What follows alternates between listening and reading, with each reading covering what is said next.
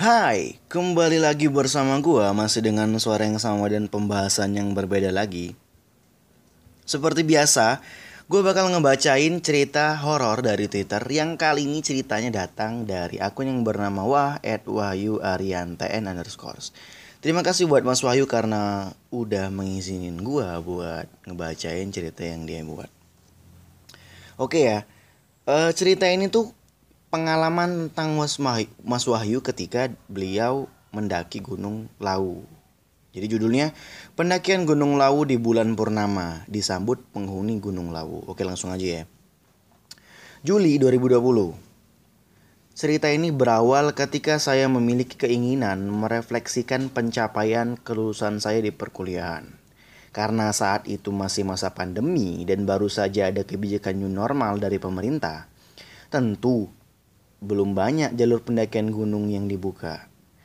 Sempat bingung mencari jalur pendakian gunung mana yang dibuka hingga akhirnya saya mendapat kabar jika jalur pendakian Gunung Lawu via Candi Ceto dibuka. Tak berpikir lama, saya pun memutuskan Gunung Lawu via Candi Ceto yang akan saya daki nanti. Oh ya, perkenalkan, nama saya Wahyu. Saya mahasiswa di salah satu kampus swasta di Semarang. Sebelumnya, saya sudah pernah mendaki Gunung Lawu via Candi Ceto bulan Agustus 2019. Bagi saya, Gunung Lawu adalah gunung yang menarik dan berkesan ketika didaki dan diceritakan di kemudian hari.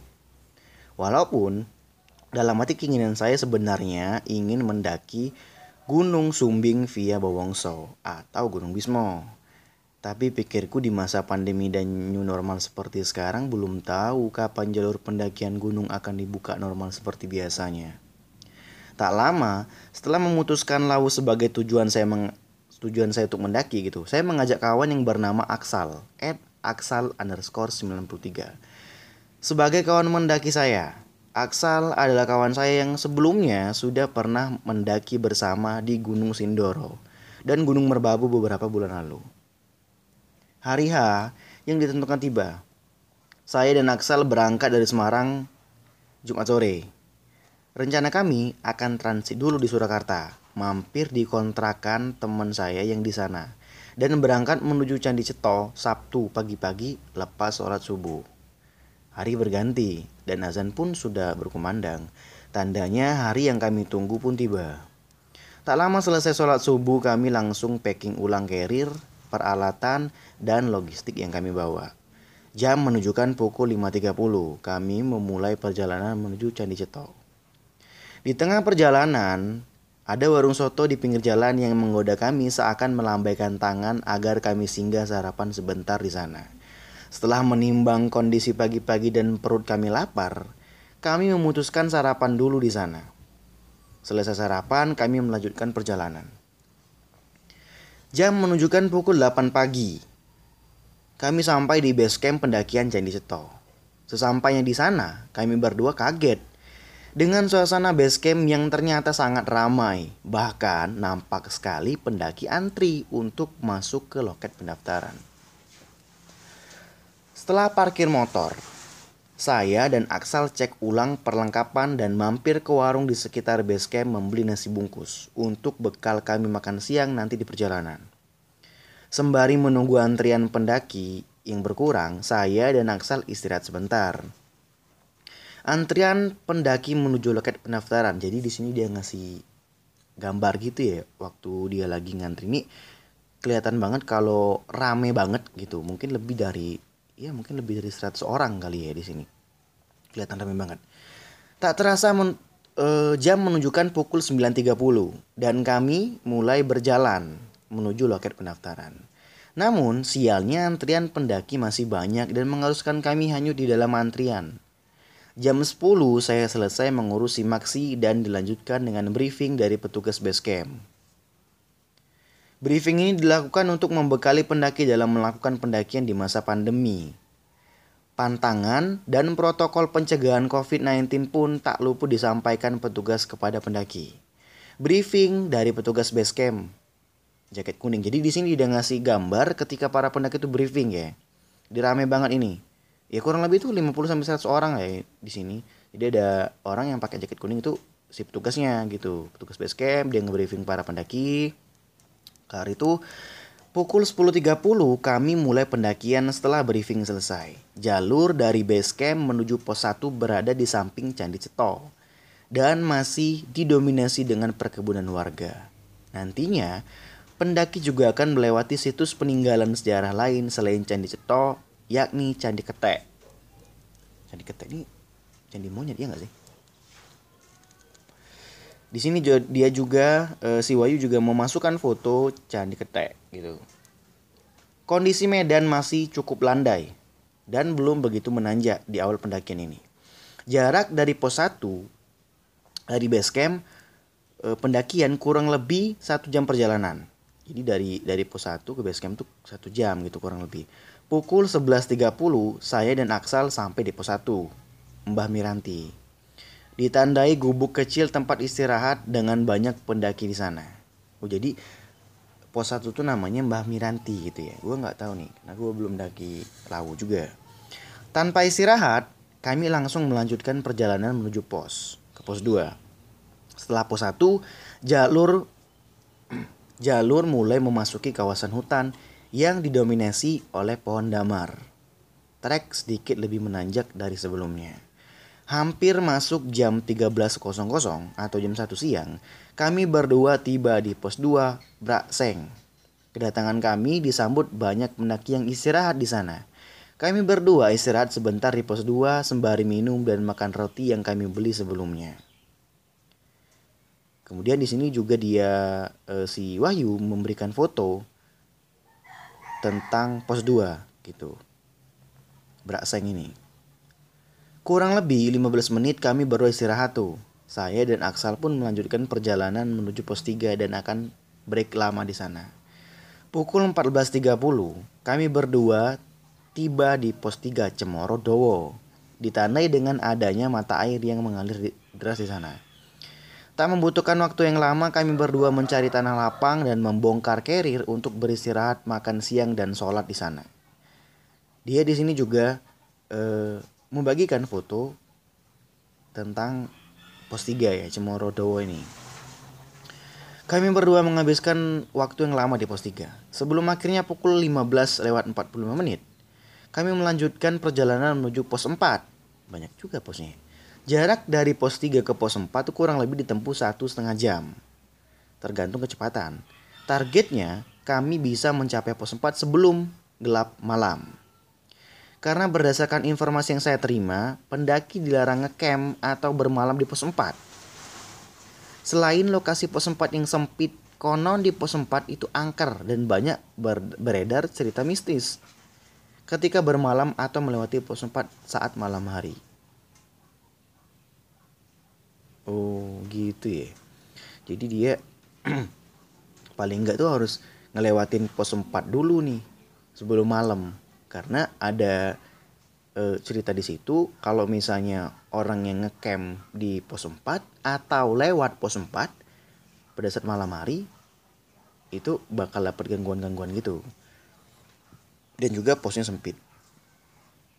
Setelah dari pos 3 jalur didominasi dengan tanjakan terjal dan pohon pinus hutan kiri dan kanan Senja datang mengintip di antara pohon-pohon belakang kami menandakan jika sebentar lagi akan gelap. Senja di jalur pos 3 menuju pos 4. Jadi dia di sini eh, lagi-lagi membagikan foto juga keren ya fotonya ya. Momen-momen ketika menuju pos 4. Tak lama bebarengan dengan senja kami berdua berhenti istirahat sembari menikmati senja yang datang. Tiba-tiba datang burung jalak hitam atau masyarakat lokal menyebutnya jalak gading di depan kami. Konon Jalak Gading adalah jelmaan dari penunggu Gunung Lawu. Jalak Gading juga dipercaya sebagai penunjuk jalan bagi para pendaki Lawu. Tiba-tiba Aksal berceloteh. Cari bapak ke koncoku, itu cari bapak koncoku, sing ngomahe cedak Lawu.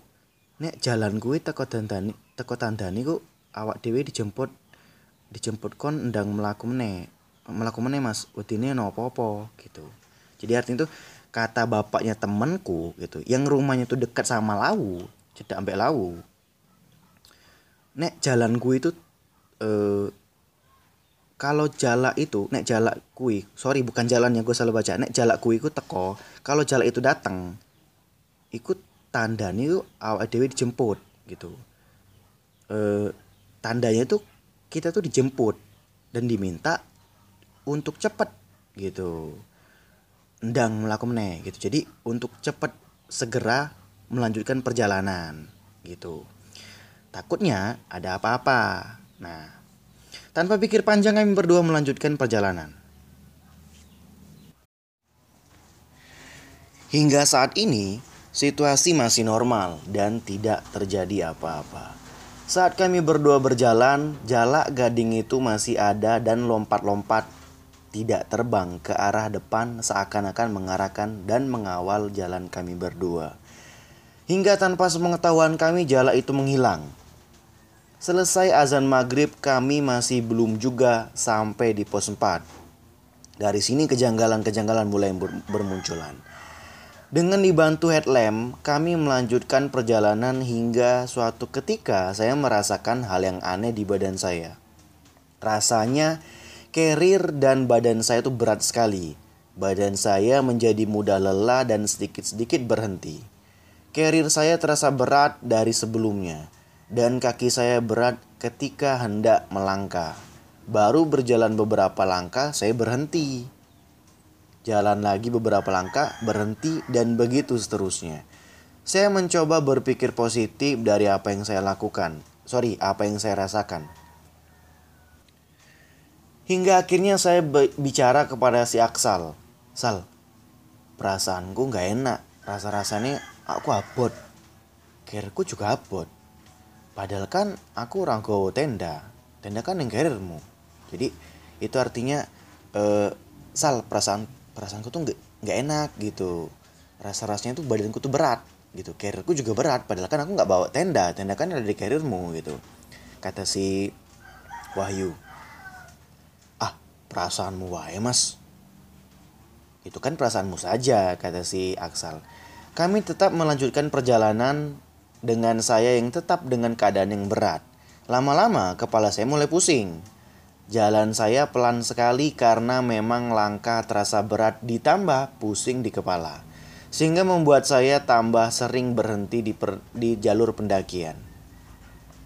Aksal yang melihat saya pun bingung karena dia tahu tak biasanya saya seperti ini.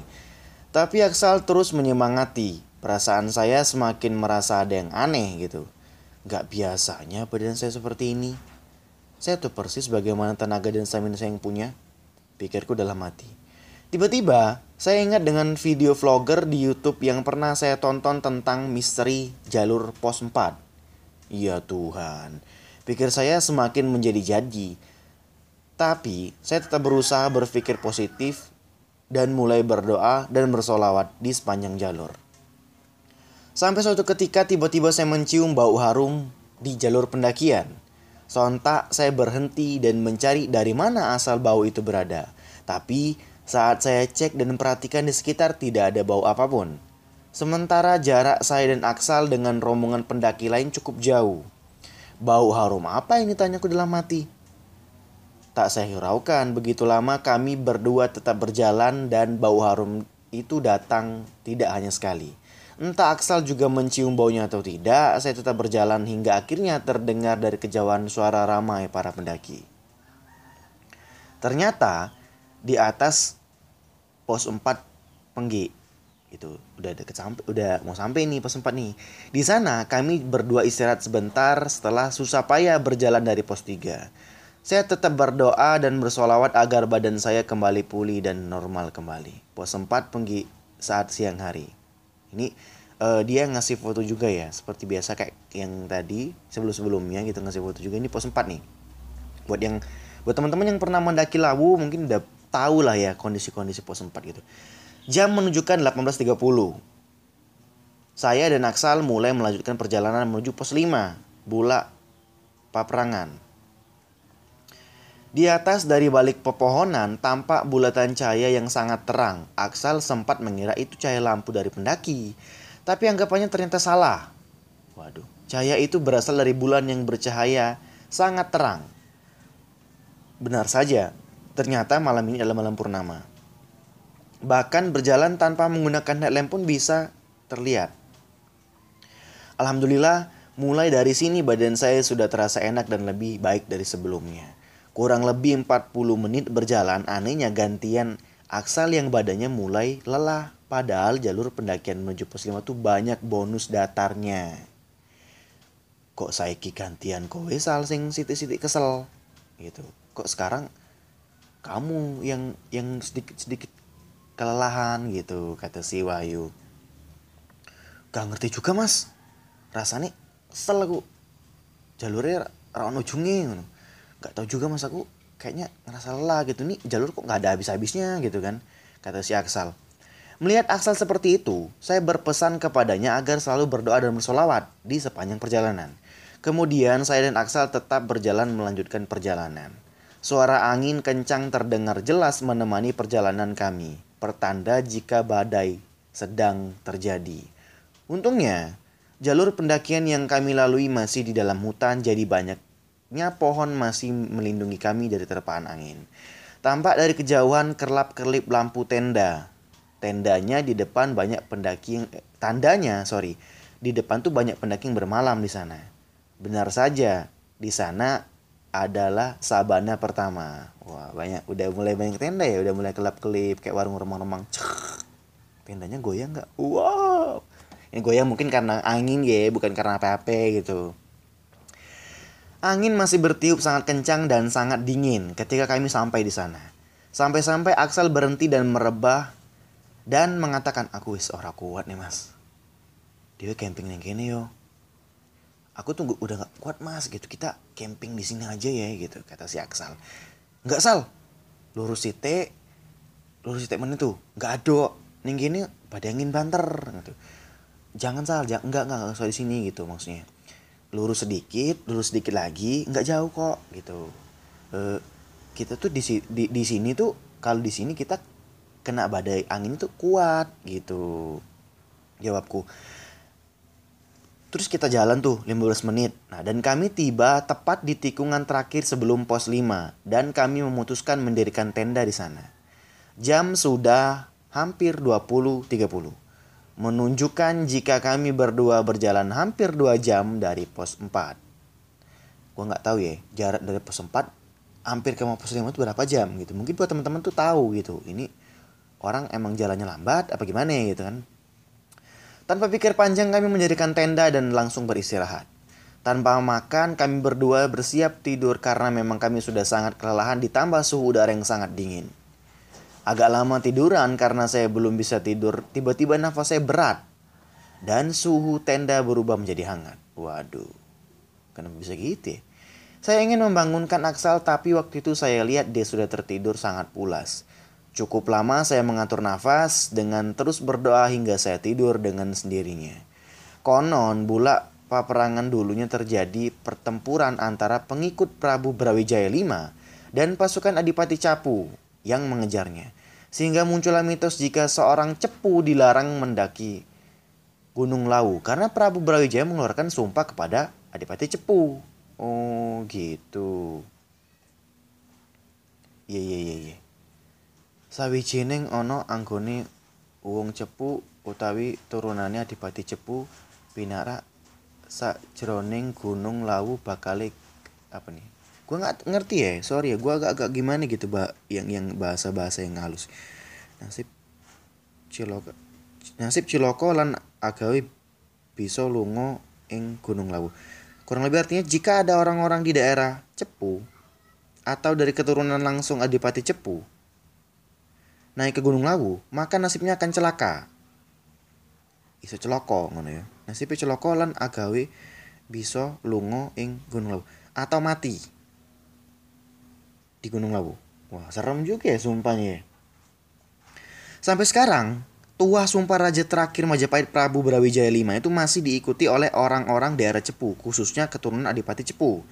Uh, jadi orang-orang yang Cepu daerah situ mereka nggak naik Gunung Lawu gitu atau keturunan Adipati Cepu mereka nggak naik karena mereka takut sumpahnya si e, Raja Brawijaya ini Kemudian Wahyu memberikan foto, memasukkan foto juga jalur pendakian eh, di pos 5 gitu Gunung Lawu. Ini fotonya keren banget, udah siang kelihatan gitu kan. Keren, landai gitu, enak tempatnya kanan kiri kayak bukit-bukit gitu ya. Lu tahu sendiri yang udah pernah naik Gunung Lawu ya. Kembali ke cerita. Kami bangun pukul 2.45 dini hari karena rencana kami berdua akan summit ke puncak jam 3.30 pagi. Fajar tuh ya, setengah 4. Kami berdua masak mie instan dan menyeduh susu hangat untuk nutrisi tubuh kami sebelum summit sebentar lagi. Wow, susu dong. Enak banget dingin-dingin susu. Wow. Setelah makan daging, so, sorry. Kok makan daging sih? Setelah makan dan packing, kami mulai pendakian kembali dengan posisi saya berada di depan sedangkan Aksal di belakang nih. Udara pagi itu sangat dingin sekali. Saya perkirakan suhu saat itu kurang lebih tuh 5 derajat Celcius. Kurang lebih satu jam berjalan kami tiba di Gupakan Menjalang. Oh sorry, kok menjalang sih? Menjangan, iya. Sangat banyak pendaki yang bermalam di sana. Tanpa istirahat kami berdua tetap berjalan. 15 menit berjalan dari Gupakan Menjangan, kami tiba di sabana lagi yang sangat luas. Tiba-tiba Aksal mendengar suara langkah kaki sangat jelas di belakangnya. Waduh, tiba-tiba dengar suara kaki yang sangat jelas tuh. Saat dia menoleh ke belakang gak ada siapa-siapa. Berjalan lagi dan terdengar lagi. Menoleh lagi dan tetap tidak ada siapa-siapa. Waduh. Dan itu pun berlangsung lama di belakang kami gitu. Aksal sempat mengira itu suara dari sepatu yang saya pakai. Tapi setelah dia perhatikan ternyata tidak. Aksal kembali menoleh ke belakang dan tetap tidak ada apa-apa. Ayo mas rodok banter. Kayaknya medeni gitu ucap si uh, Aksal ayo mas agak cepat gitu di sini tuh nakutin. Ono apa sal? Ada apa? kata si Wahyu gitu kan. Saat itu aku tuh belum tahu kak apa yang terjadi gitu. Apa apa mas. Engkau engkau ain nek wis ningisor tak ceritani gitu. Nanti aja nggak apa-apa mas nanti aja. Ntar kalau misalnya udah dibawa e, aku ceritain gitu.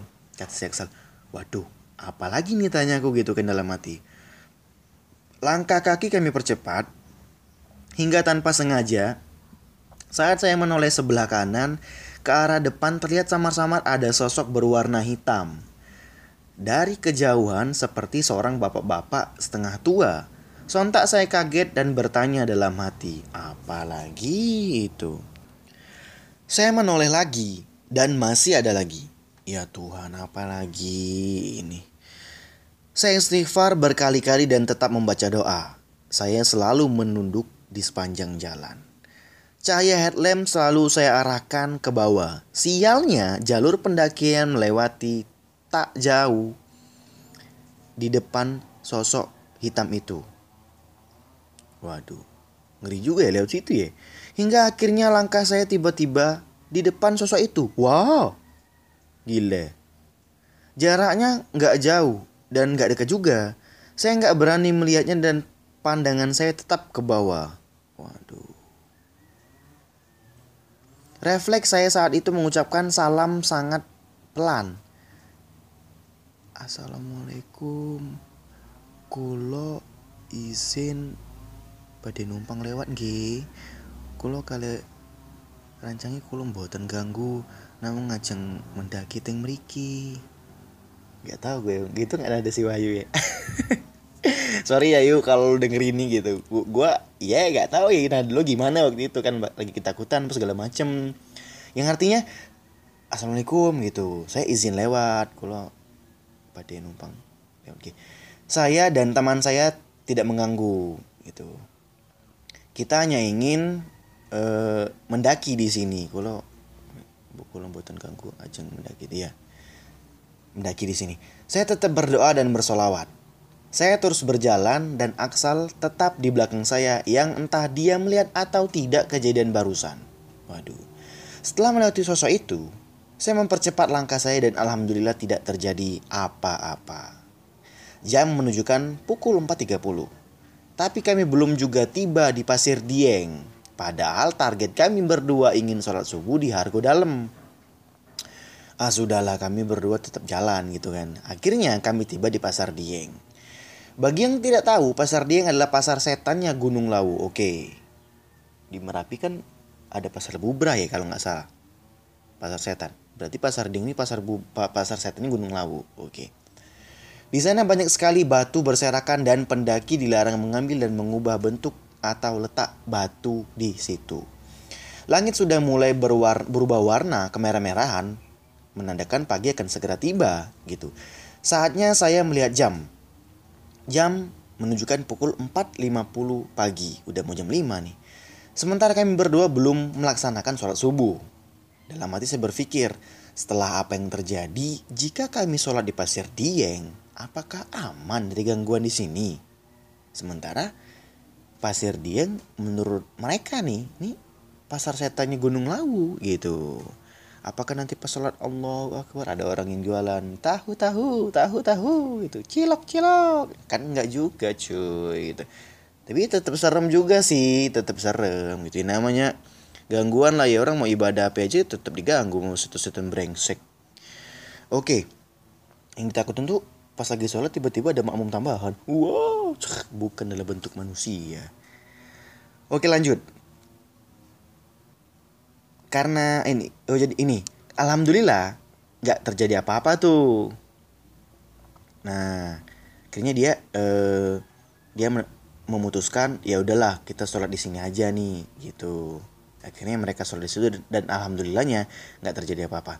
Tapi sangat terasa jelas hawa di kawasan Pasar Dieng sangat berbeda dari kawasan yang lainnya. Ini eh, si Wahyu kembali lagi memberikan foto gitu, membagikan momen ketika di Pasar Dieng. Ini momennya udah agak siang kali ya gitu.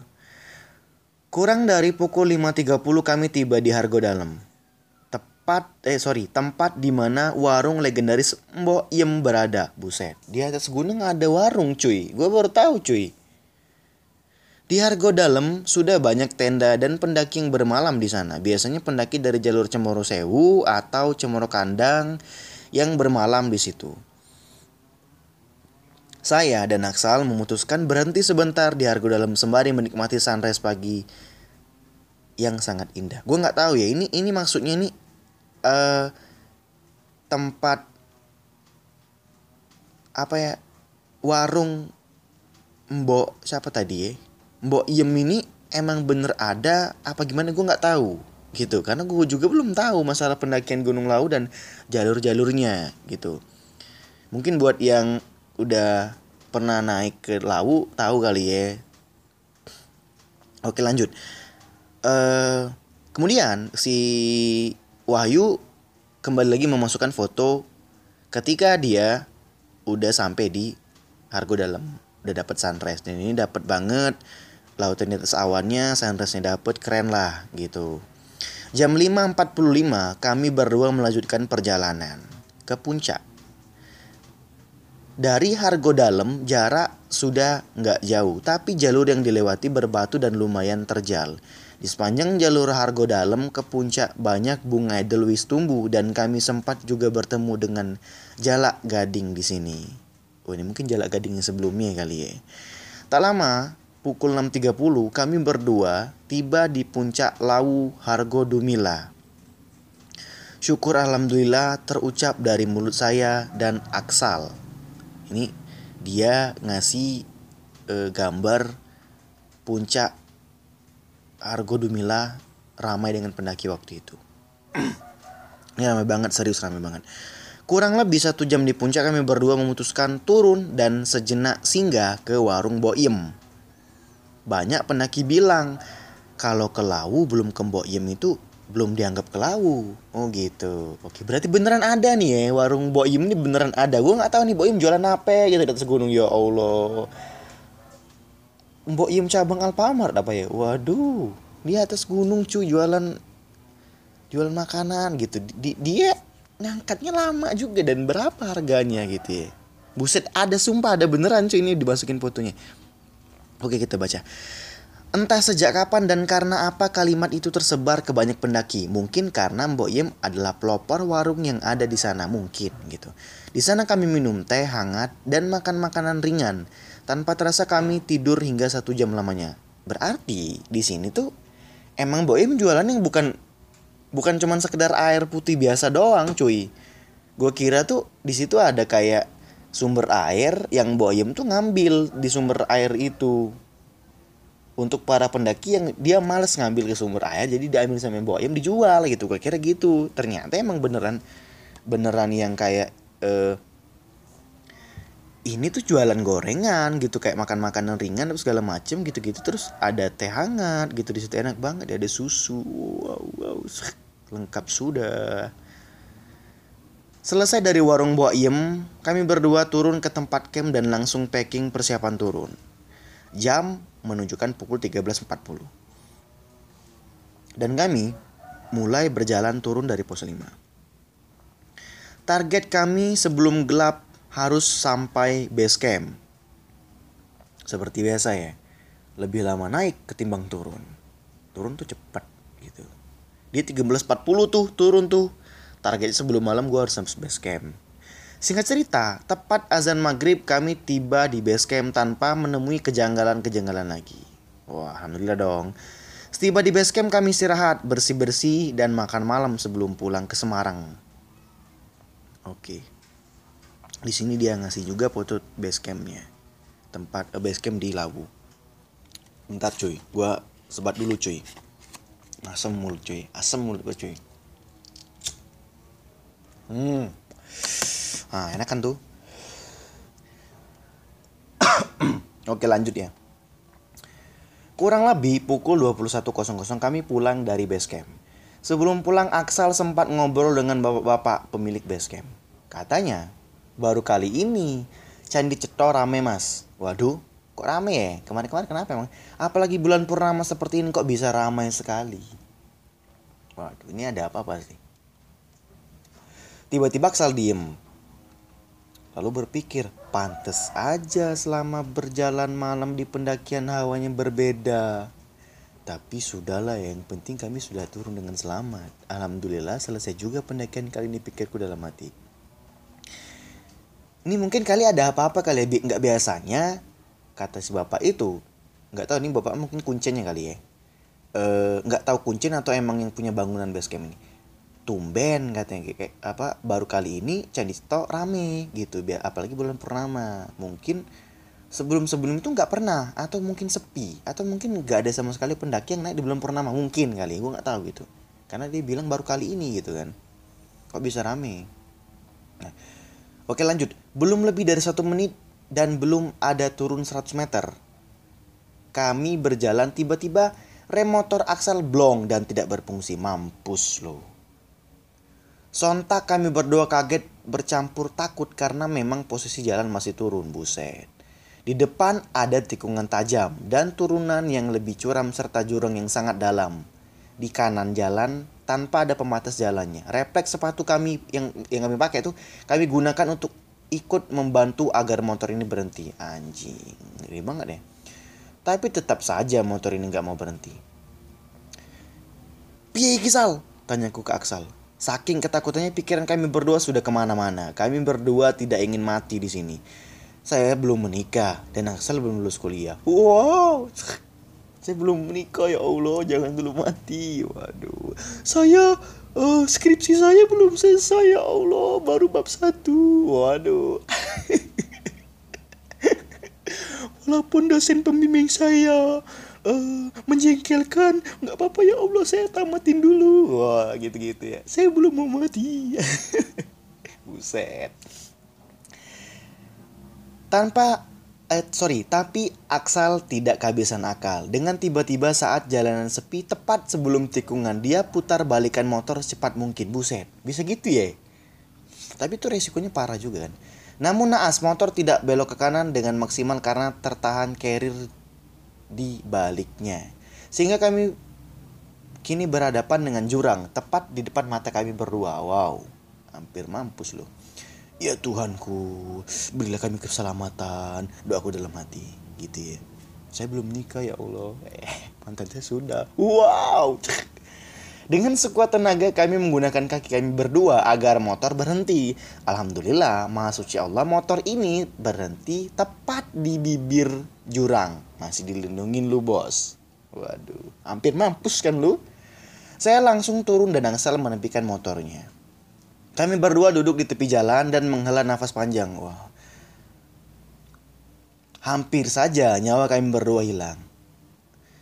Orang biasa-biasa nih motorku ini mas. Motor iki sering tak gulung ngemuncak dan iki Iki mau kan posisi nembe banget. Aku kok langsung blong gitu.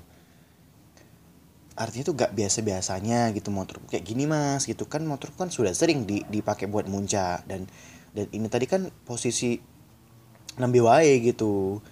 Nembe banget gitu. Tapi kok iso blong gitu kan kata si Aksan aku juga heran tuh kenapa bisa kayak gitu. Nah eh, tak lama kami siram rem depan dan rem belakang motor. Anehnya tidak ada tanda-tanda panas. Nah kan? Udah nggak beres kan nggak sudah yang penting kami berdua selamat gitu. Kami berdua pun melanjutkan perjalanan pulang dengan tetap memperhatikan rem motor jika terjadi masalah lagi.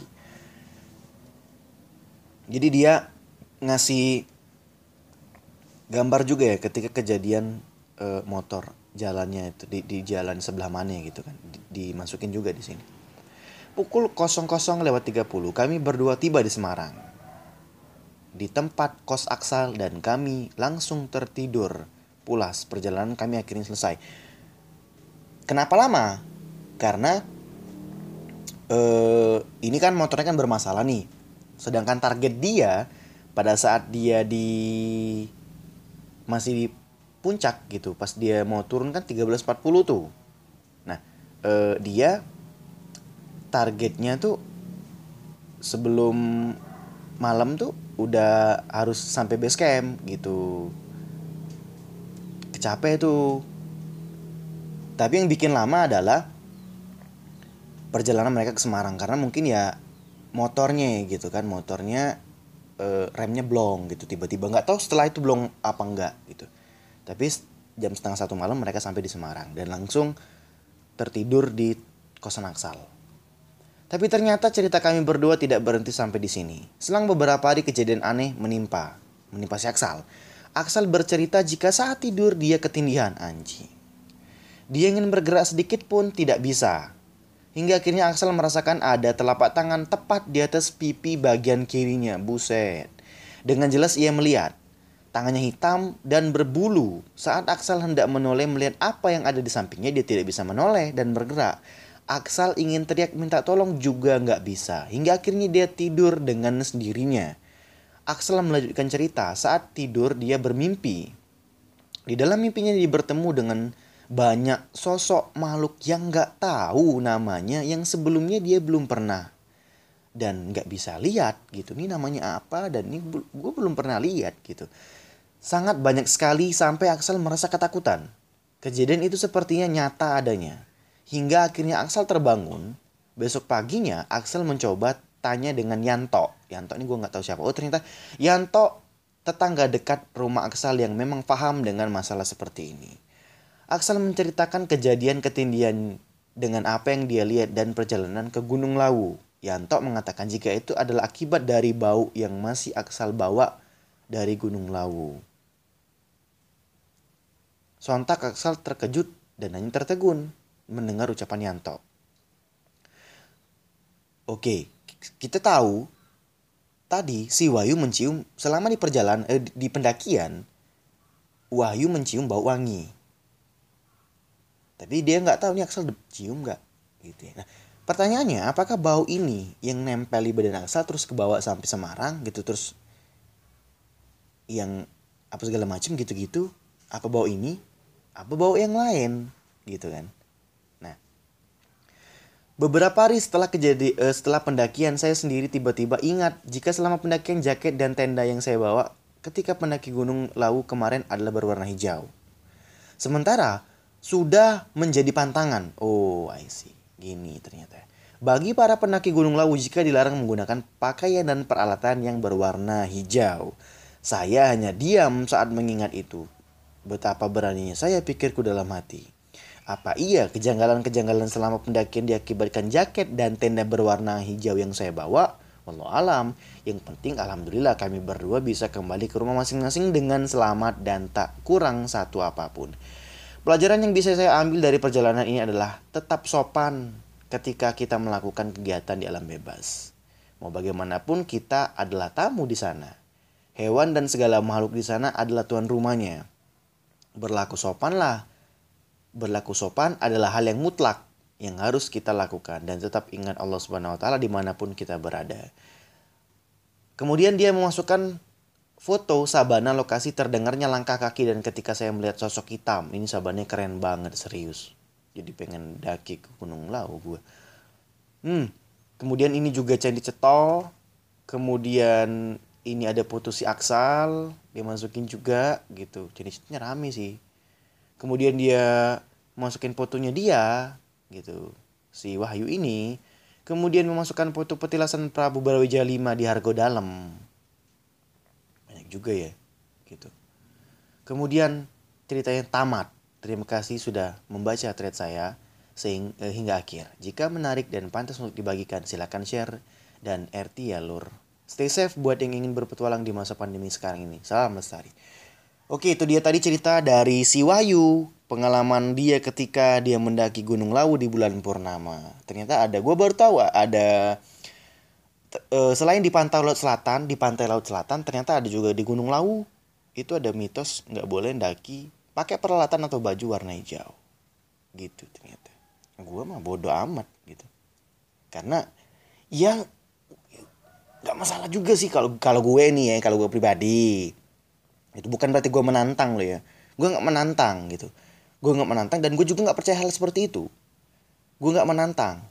Dan dan gue juga nggak percaya mitos-mitos kayak gitu. Yang setahu gue kalau lu mau celaka ya udah takdir lu. Yang ditakdirkan Allah celaka. Kalau mau selamat ya selamat. Tergant tapi tetap aja sih kita harus uh, ada usaha buat gimana kita selamat, gimana biar kita nggak celaka kan ada gitu kan. Tapi intinya gue nggak percaya tentang mitos-mitos itu. Nah, dan gue nggak nantang juga gitu. Oke itu dia tadi cerita si Wahyu uh, tentang pendakian dia ke Gunung Lawu. Buset, lumayan serem ya dari yang awalnya ngeliat burung gagak sampai jalan nggak sampai-sampai, badan berat apa segala macem gitu-gitu. Minum susu hangat. Wow. Datang ke warung ke warung Mbok Iem wah enak banget dong. Pengen ke lau oke segitu dulu aja cerita kali ini. Terima kasih buat Wahyu yang udah ngizinin gue buat ngebacain cerita yang dia buat. Makasih buat teman-teman yang masih tetap mendengarkan podcast gue di Spotify ataupun di YouTube. Makasih buat semua semuanya sampai jumpa di cerita horor berikutnya